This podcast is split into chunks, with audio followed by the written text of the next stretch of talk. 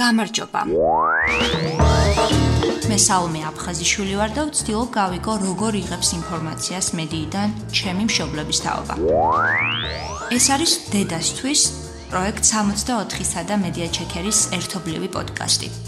ეს ის თაობა, რომელიც ტელევიზიისა და რადიოს ეპოქაში დაიბადა და დღეს მათ ციფრულ იმიგრანტებად მოიხსენიებენ. იმაზე მისანიშნებლად, რომ მათთვის ეს ციფრული სამყარო, ინტერნეტ სივრცე არასდროს ყოფილა ბუნებრივი საცხოვრებელი გარემო. პოდკასტის თითოეული ეპიზოდი გაგაცნობთ ერთ ციფრულ იმიგრანტს და მასთან ერთად კრიტიკულად გავაანალიზებთ მედიას, მედია ციგნიერების ხუთი მთავარი კითხვის მიხედვით.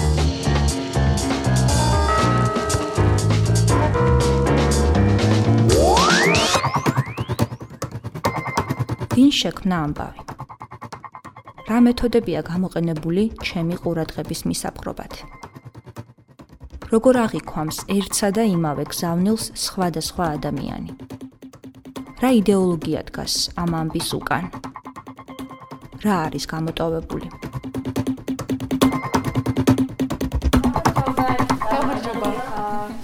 როგორ ძარდები?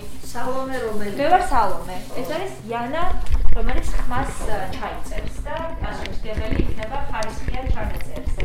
კაი ბატონო, ახლა გამაგებინეთ რა. ყველაფერს აგინეს, კი ბატონო.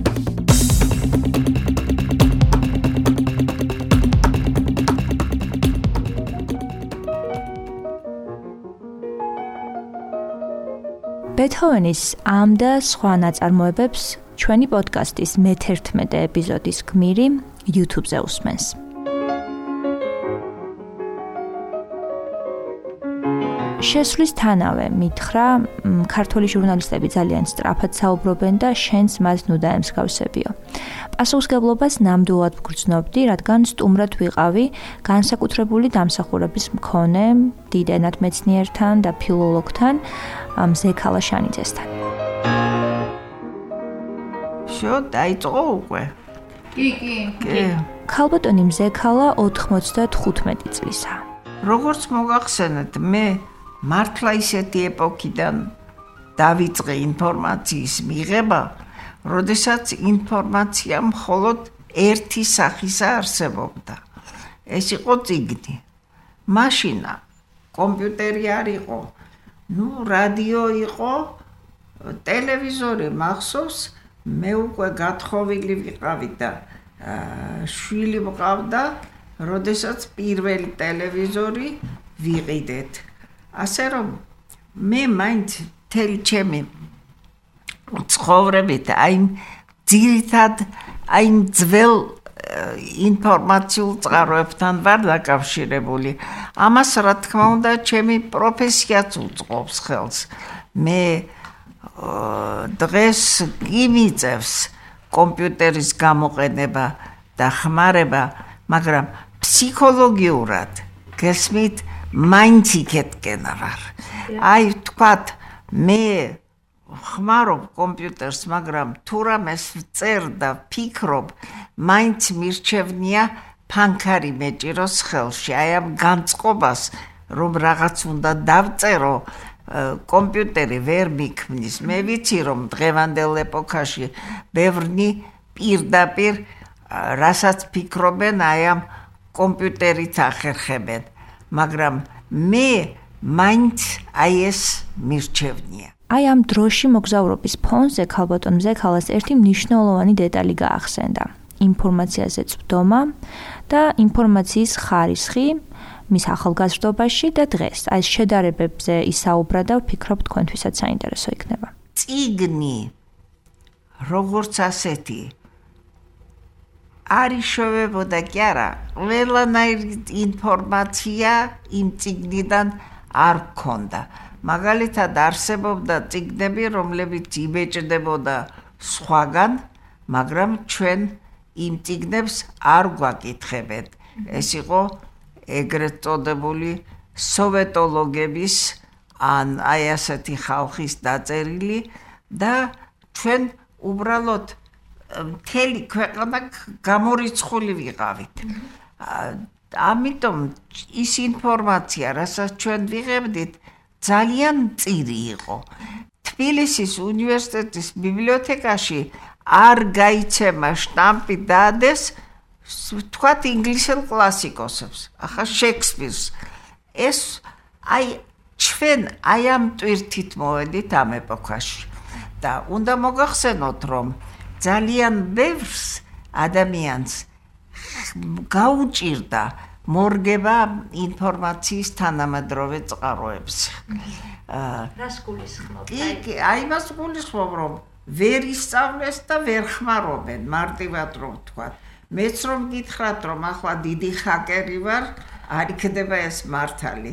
ну ვიყენებ იმდენად რამდენადაც პრაქტიკულად მჭირდება მაგრამ ისი არა ვარ ზოგი რომ ლამის თავქვეშიდებს და იმითი ცხოვრობს.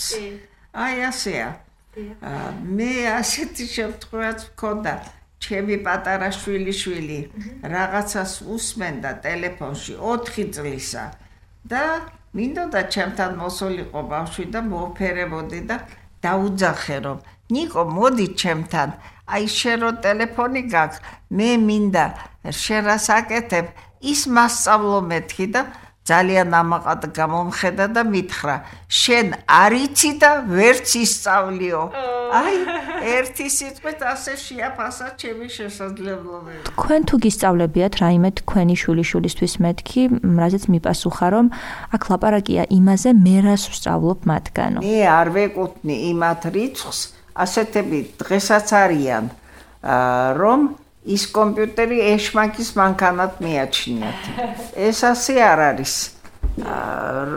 ერთ-ერთ ჩემს კოლეგას, რომელიც ჩემი ხნისა იყო და დღეს აღარ არის ცოცხალი, კარგი ცნობილი მეცნიერი იყო და კომპიუტერს რომ უხსენებდი, დამანებე თავი, დამანებე თავი, მაგას მაგისი არაფერი ვიცი და არც მინდა რა არისო. მე მგონია ის მაინც ფსიქოლოგიური ის არის რაღაცა ბარიერი რომელიც ადამიანს აქვს. ფსიქოლოგიური ბარიერი შეიძლება ძალიან ძლიერი იყოს და მისი დაძლევა არც ისე ადვილი არის არც ისე ადვილია კი. საინტერესო ჰიპოთეზაა და ვფიქრობ ბევრი კვლევაც ადასტურებს ამას.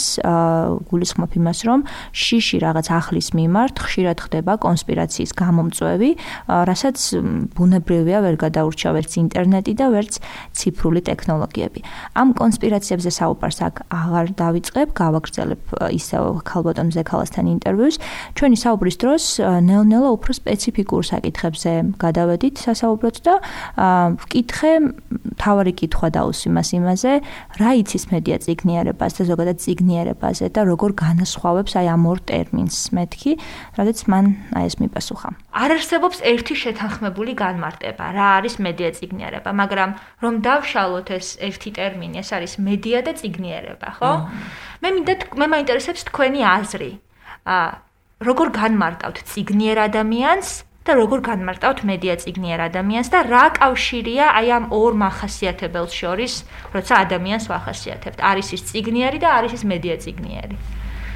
ну, მედია წიგნიერი ადამიანი არის ის, ვინც ახერხებს აი უამრავ ინფორმაციაში გამოარჩ გაერკვეს და გამოარჩიოს იქიდან ის, რაც მისთვის არის საჭირო. აჰა ჩვენ დროში ციგნიერება სხვა რამეს გულისხმობდა კაცმა რომ თქვას. ის ამას ეძახდნენ საშუალო განათლებას და სკოლაში ეძახდნენ კიდევ განვითარებას. აი თუ ბევრი ციგნები ქონდა ბევრი ციგნი ქონდა წაკითხული განვითარებული ბავშვიაო იტყობდნენ. აა მაგრამ რეალურად დღეს უკვე იმდენი თუნდაც ციგნი, იმდენი ციგნია სოფლიოში, რომ დღეს უნივერსალური ა ყველაფრის მწოდნე ადამიანი თუნდაც მხატვრული ლიტერატურისა არ შეიძლება იყოს. ამიტომ ახაც როგორც ჩანს ადამიანი უნდა თავისი სურვილის მიხედვით, აი თქვათ ვისაც აინტერესებს მხატვრული ლიტერატურა ინგლისური ივან ინგლისურს უნდა მეტი ყურადღება მიაქციოს და ასე შემდეგ. აი ამიტომ ციგნიერება იქაც მედიაშიც და იმაშიც გამოიხატება სწორედ საჭიროსა და სასარგებლოს შერჩევაში. აი ეს არის. მე-11 ეპიზოდის გმირს ქალბატონ ზექალაშანიძეს ასევე კითხე თქვენს მაგალითზე მითხარით, რა ცვლილებები მოიტანა ინტერნეტმა და ტექნოლოგიებმა თქვენს ყოველდღიურობაში, მეთქი, როგორ შეცვალა 95 წლის ენად მეცნიერის ზექალაშანიძის ცხოვრება ტექნოლოგიებმა? ძალიან ბევრი უნდა მოგახსენოთ ისეთი რამ, რაც მე ადრე ხელ ხელმისაწვდომად არ მქონდა ან ზოგჯერ ისეთი ახალი რამეც რაც მე არ ვიცოდი, ეხლა მივიღე. ასე რომ მე აი ამ სიბერის ასაკში კიდევ აი ამ ახლით შევძელი სარგებლობა. ახლით სარგებლობის პრობლემა არ არის მარტო ასაკობრივი. ადამიანი თუ დაინტერესებულია ის აი თვითონ ამ ახალს ეძებს და პოულობს. Ну შესაძლებლობები ყოველდღიურ ცხოვრებაში შემეკნა იმას ისეთი რომ მე რომ ახავარ და ჩემი შვილიშვილი ოქსფორდში ამჟამად იმას ველაპარაკები და შემიძლია შევხედო როგორ აქთმა დავარცხნილი და როგორი ჟაკეტი აცვია. და რაც შეეხება პროფესიულად, მე ამ ბოლო ხანებში მომიხდა საკმაოდ ბევრი სამეცნიერო ლიტერატურის კითხვა. აი კომპიუტერში. და უფრო ადვილად ხელმისაწვდომი გახდა. ადრე მე რომ ჭირდებოდა რამე, აი რა დავარქვა იმას კომუნისტების დროს როგორც უნდა მიმეწერა ბრიტანეთის ბიბლიოთეკაში და იქიდან უნდა მოსულიყო ან მოვიდოდა ან არა და ეხლა კი ბრიტანეთის ბიბლიოთეკის ძალიან ბევრი რაღაცა შეიძლება არქივი არის ხო ღია. ну ასე ვთქვათ მისაწვდომი ხო ისეთი რაღაცები არის რისიც გაკეთებაც არამც თუ ადრე არ შეგვედლო წარმოდგენაც არ შეიძლებოდა ა თქვენ დასაწყისში აღნიშნეთ ინფორმაციის თქვენ როცა ვთქვათ ბიბლიოთეკაში დადიოდით, წყაროებს ეცნობოდით, ხო? თქვენ გაქვთ ტექსტთან მეცნიერული მიდგომის ვთქვათ პრაქტიკა და უნარები, ხო? ეს თქვენი პროფესიიდან და ცხოვრებიდან გამომდინარე, პროფესიული ცხოვრებიდან გამომდინარე. ა რომ დაახასიათოთ, რა არის სანდო ინფორმაცია თქვენთვის? აი, როგორია სანდო ინფორმაცია იმ გამოცდილების გათვალისწინებით, რომელიც თქვენ გაქვთ? და რომელიც შეიძლება ჩემთაობას არ კონდეს, იმიტომ რომ დღეს ჩვენ ორიგინალურ წყაროებთან, არ ვიცი, ინტერნეტში იმდენად ბევრი გადამუშავებული ინფორმაცია, რომ შეიძლება ჩავეძიოთ, ჩავეძიოთ, მაინც ვერ მივაგნოთ. აი, როგორია სანდო ინფორმაცია და დღეს თუ აკვირდებით რომ შეიცვალა ამ מחასიათებლები სანდოობის ინფორმაციის ეგ ძალიან ძნელი საკითხია რამე რომ შეამოწმო სანდოა თუ არა უნდა კარგად ერკვეოდე იმაში. დიახ. კარგად უნდა ერკვეოდე. და თუ ვინმე რამე სიტყვის ისეც რაც არა მე ვერ გეტყვით იმიტომ რომ მე შემიძლია სანდოა თუ არ არის ინფორმაცია თქვა მხოლოდ იმის შემდეგ რაც წავიკითხავ ან მოისმენ ან შევაფასე მაგრამ ყველანაირი ინფორმაცია არ არის სანდო და ის რაც შემოწმება ჭირდება ისიც საჭიროებს ცოდნას. აბა როგორ როგორ შევამოწმო? ახლა მე ვინმე პოლიტიკური მოღვაწე რომ ლაპარაკობს და იმას უსმენ ის ხომ იცით? ზუსტად ერთი და იგივე ფაქტი შეიძლება ისე წარმოადგინოთ რომ ის დადებითად მოგაჩვენოს ადამიანმა და მეორე ადამიანმა რომელსაც ეს არ მოსწონს იგივე ფაქტი შემოაბრუნოს ისე რომ იფიქრებთ რომ ეს არის არასასურველი რამ. აი სამწუხაროდ თანამედროვე მედია აი დღეს აი ამ პოლიტიკური დაძაბულობის ვითარებაში ძალიან ხშირად აი ამ ერთსა და იმავე ინფორმაციას სრულიად სხვადასხვაგვარ ინტერპრეტაციას აძლევს. ამიტომ ვცდილობა ისეთ რამეს, რასაც ვერ ვარკვევ, საერთოდ არ უსმენ. აჰა. გასაგებია. ისე BBC-ს გადაცემა მირჩევნია ვთქვათ ორანგუტანებზე. ეს ხომ ფაქტობრივია და კარგია. დიახ. თუ გაქვთ შეფასების თქვენი კრიტერიუმები, ხა ნაწილობრივ ეს ყველაფერი ახსენეთ, როცა საუბრობდით, ფაქტებია მნიშვნელოვანი, ხო? ცოდნა მნიშვნელოვანი, ვინ წერს, რამდენად გარკვეული. აი, სხვა რა კრიტერიუმები გაქვთ, რომელსაც აი ყველა ტიპის ინფორმაციას ასე თუ ისე მაინც არ გებთ, ხო? აი, რაღაცა უნივერსალური კრიტერიუმები ინფორმაციის შემოწმების და შეფასების. როგორ გითხრათ ახლა უნივერსალური კრიტერიუმი არის ის რომ ის უნდა იყოს გასაგები ადვილად აღსაქმელი და არ იყოს იმ სახით მიწოდებული რომ თავი უნდა იმტრიო მაგრამ ყველა შემთხვევაში ეს ასე არ არის. არსებობს თქვა ძალიან კარგი სამეცნიერო თვალსაზრისით ციგნი ან სამეცნიერო თვალსაზრისით გადაცემა მაგრამ თუ იმ საკითხში კარგად არ ახარ გარკვეული, გაგიჭირდება შეფასება. ქალბატონ ზექალას ეს თანამედროვე smartphone-ი არ აქვს, რასაც ჩვენ ჩვენ ვიყენებთ. იყენებს ჩვეულებრივ ტელეფონს, რომლითაც ურეკავენ და ისიც რეკავს. მაგრამ მისმა შვილმა, რომელიც ეპიზოდის ჩაწერას ესწრებოდა, მასთან ერთად გითხრა, რომ მაინც აინტერესებს smartphone და ამბობს, რომ მინდა შეძენაო. ამიტომ ვკითხე პირდაპირ მას, ქალბატონ ზექალას, აი რა არის მეთქის განსაკუთრებული მიზეზი, რაც ასეთი ტელეფონის შეძენის სურვილს გიჩენთ მეთქი და უსმინოთ მის პასუხს. ტელეფონთან მიმართებით. მაგისთან და ტელეფონთან დაკავშირებით რა უნდა გითხრათ ერთი ანეკდოტი გამახსენდა რომ სვა თქვა რა კარგია ჩემცოლს რომ უყიდეო ეს მობილური ტელეფონი სულშინარიო მერეო. ხო. ტელეფონი ეს და ასეთ ტელეფონი მოსახერხებელია იმით რომ ადამიანს დაელაპარაკები აქ თბილისში, ბათუმში და ასე შემდეგ.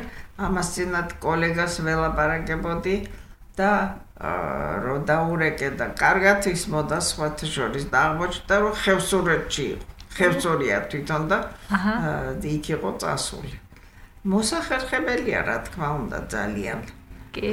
მე დარწმუნებული ვარ რომ თანამედროვე პროგრესი სრულიად შეუძლებელია თუ აი ეს საინფორმაციო საშუალებები და საინფორმაციო ტექნოლოგია არ განვითარდა. მერე რა რომ ტყუილია ზოგი და ისიც ყველაფერი მისაღები არ არის. პრინციპი არის. ახლა ბოლოს და ბოლოს ელექტრონი რომ გამოიგონა ადამიანმა იმიტომ ხვალუარყოფთ იმას, რომ სტეფშელში თუ შეუყავი თითები შეიძლება დენმა დაგარტყას. ეგ იმის სისულელია ვინც მაგას იზამს. საუბარში უკვე უახლოვდებოდით მედია ციგნიერების ექსპერიმენტის დაწყების დროს, ამიტომ ბუნებრივია ვკითხე, როგორ იღებთ ინფორმაციას ყოველდღიურად ან რაიმეს ხომ არ გამოარჩევდით მეთქი დღევანდელი ნიუსებიდან. რაც მიპასუხა რომ თითქმის აღარაფრის მოსმენის სურვილი აღარ აქვს და მშვენივრად ახსნა რატომ. ძალაუნებურად იმდენი მესვის garaშე მოია იმნეს ლაპარაკობენ რომ მინდა თუ არ მინდა ეს ინფორმაცია მოდის მაგრამ გაფუჭებული ტელეფონის ინფორმაცია ყოველთვის ინფორმაცია არ არის. ხომ გახსოვთ? საბავშვო თამაშობა არის ასეთი დავსხდებოდით ხოლმე და ერთ სიტყვას ერთ სიტყვას ვეტყოდით ხოლმე რამეს და მე უნდა გამეორებულიყო და ბოლო გაიმეორებდა იმას და ხშირად აი ყურში რო ვეუბნებოდი თქვა ვეტყოდი ტელეფონი იქ მივიდოდა რაღაცა ტორტი. აი ხოდა ძალიან დიდი ინფორმაცია დღეს მოდის აი სწორედ ამ გაფუჭებული ტელეფონის პრინციპით. ის რა თქმა უნდა არ არის სანდო. და სანდო წყარო რომელია ეს ალბათ დამოკიდებულია იმაზე ვის რომელი უფრო მოსწონს ინფორმაცია. მე როგორც გითხარით, მაინც და მაინც ამგვარ პოლიტიკური ინფორმაციებს ნაკლებად ვისმან გარდა იმისა, რომ რაღაცა ფაქტი რეალურად რაც მოხდა, აი იმას უგდებ ხოლმე ყურს და იმის ინტერპრეტაცია სხვადასხვა იმის მიხედვით მართალი გითხრათ, ნაკლებად მაინტერესებს. უკვე გითხარით ეს კი არ დამიწყნია რომ თქვი რომ ერთსა და იმავეს ერთი ერთი მხრის წარმომადგენელი ისე მოგაწოდებს რომ ის მოსაწონია მეორე მეორე მხრისა ზუსტად იმავეს შეაფასებს როგორც რაღაც საშინელება. ბოლოს გადავწყვიტეთ რომ ამ ეპიზოდში მედია ციგნიერების ექსპერიმენტზე უარი გვეთქვა, რადგან იმ კონკრეტულ დღეს, როცა ჩვენ ქალბატონ ზექალას ჩასაწერად ვესტუმრეთ, რაიმე განსაკუთრებული ინფორმაციის მიღება და დამახსოვრება ვერ მოესწრო. ამის მიუხედავად გადავწყვიტეთ რომ მისთვის გვეკითხა აზრი ზოგადად მედია ციგნიერების ხუთ კითხვაზე. ჯერ წაეკითხა ეს კითხვები და შემდეგ კრიტიკულად გაანალიზებინა ის. ვინ შექმნა ამბავი? რა მეთოდებია გამოყენებული ჩემი ყურადღების მოსამისაპყრობად? როგორ აღიქვამს ამბავს სხვადასხვა ადამიანი? რა იდეოლოგია ღირებულებები დგას ამბის უკან რა არის გამოტოვებული? არა ეს ისეთი კითხვებია რომელზედაც ძალიან ძნელია როგორ აღიქვამს ამბავს სხვადასხვა ადამიანი. აი ამაზე შემიძლია გითხრათ რომ ასე მაქვს გაგონილი რომ ძველად იურისტები რომ იყვნენ ძველად აი სულ რევოლუციამდე აი იქა იყო ასეთი ფსიქოლოგიური ტესტი. დიახ. იმათთვის აი მაშინ ახალგაზრდები ძირითადად ბიჭები იყვნენ, ხო? ქალებს არ იღებდნენ უნივერსიტეტში. აი პირველ კურსელ იურისტებს ასეთ ფსიქოლოგიურ ტესტს უკეთებდნენ. შემოდიოდა ნუ სპეციალურად ამისათვის მომზადებული ადამიანი. და იწებდნენ ჩხუბს. და მე მასშტაბლები იკითხებოდნენ, აბა ვინ დაიწყო ეს ჩხუბი და თქვენ რა სიტყვით და აღმოჩნდებოდა რომ სხვადასხვა ადამიანმა მოულოდა რომ მოხდა ეს რაღაც ამბავი სხვადასხვანაირად აღიქვეს. ერთმა დაინახა ერთმა დაინახა და წავიკითხეთ ამრიგო. ერთმა დაინახა რომ ისე ლაპარაკებოდა მეორემ ვერ დაინახა და ასე შემდეგ. ასე რომ აი ამის შეფასება ძალიან ძნელია. ვინ წამოიწყო? სულხან საბას აქვს ასეთი განმარტება ჭორი ლექსიკონში. ჭორი არის რომ ამბავი მოვიდეს და არავინ იცოდეს ვინ თქვა, არც არავინ იცოდეს მისი სიმართლეო. აი ესეა. აჰა. აი რა საინტერესო. აი ზუსტად პირველი კითხვა მედია ციგნიერების ამაზეა, ვინ შექმნა ამბავი? ანუ ვინ თქვა? აი სულხან საბას ქონია განმარტებული მედია ციგნიერების კითხვა. ძალიან კარგად არის განმარტებული. კი, საინტერესოა. საინტერესოა. კი. ბოლო კითხვას დავსვამ, რომ რაღაცნაირად შევაჯამოთ და ბოლოს ვთქვით ლოგიკური დასკვნა გავაკეთოთ. აა კითხვები წავიკითხეთ მედია ციგნიერებაზე ვისაუბრეთ და ყველაზე მთავარი რაც ჩემს ყოველთვის მაქვს ხოლმე ეს კითხვა ყველა რესპონდენტთან არის ის რომ მიუხედავად იმისა რომ მე ჩემ თაობას არ უცხოვრია შეზღუდული ინფორმაციის ეპოქაში. ჩვენ ცხოვრობთ სხვა შესაძლებლობები გვაქვს ინფორმაციის მოძიების ხო? აი ამ შესაძლებლობას ამას აქვს ასევე თავისი უარყოფითი მხარეც ჩემი აზრით თქვენც ესე უყურებთ თუ არა ამას და რა როგორ უნდა გაუმკლავდეთ აი ამ სხვა ინფორმაციას შეიძლება ეს იყოს თქვენი რჩევა, თქვენი მეთოდები, როგორ უმკლავდებით ამას, როგორ მივიღოთ სწორი ინფორმაცია. ზომიერება უნდა დაიცვას ყველაში, ყველაფერში და აი ამ ინფორმაციასთან არ უნდა მივიდეს ისეთი ადამიანი, რომელიც ასაკის გამო არ არის მომზადებული ძალიან ბევრი ასეთი ინფორმაციის მისაღებად. ვთქვათ, ბავშვები, რომლებმაც არიციან გარჩევა ებისი რა არის კარგი და ცუდი, არ უნდა მივიდნენ ამ ინფორმაციამდე და მე ვიცი რომ დღეს თანამედროვე პედაგოგიკაში არის ასეთი მიმართულება, რომ ბავშვი უნდა იყოს შეზღუდული, არ უნდა უღუროს თქვა ძალიან ისეთ ფსიქიკის დამთხუდელ საშინელებას, არ უნდა უღუროს პორნოგრაფიას და შობელმა უნდა განუსაზღვროს მას რაღაცა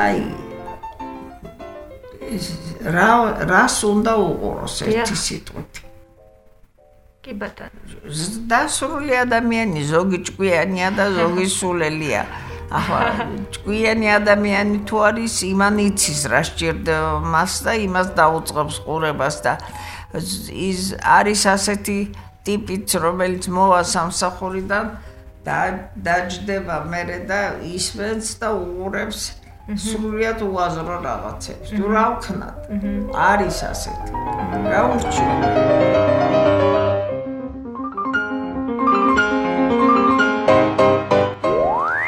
ეს იყო დედასთვის. პროექტ 64-სა და მედია ჩეკერის ერთობლივი პოდკასტი, რომელსაც იპოვით პროექტ 64-ის ყველა პლატფორმაზე. მე სალომე აფხაზიშვილი ვარ.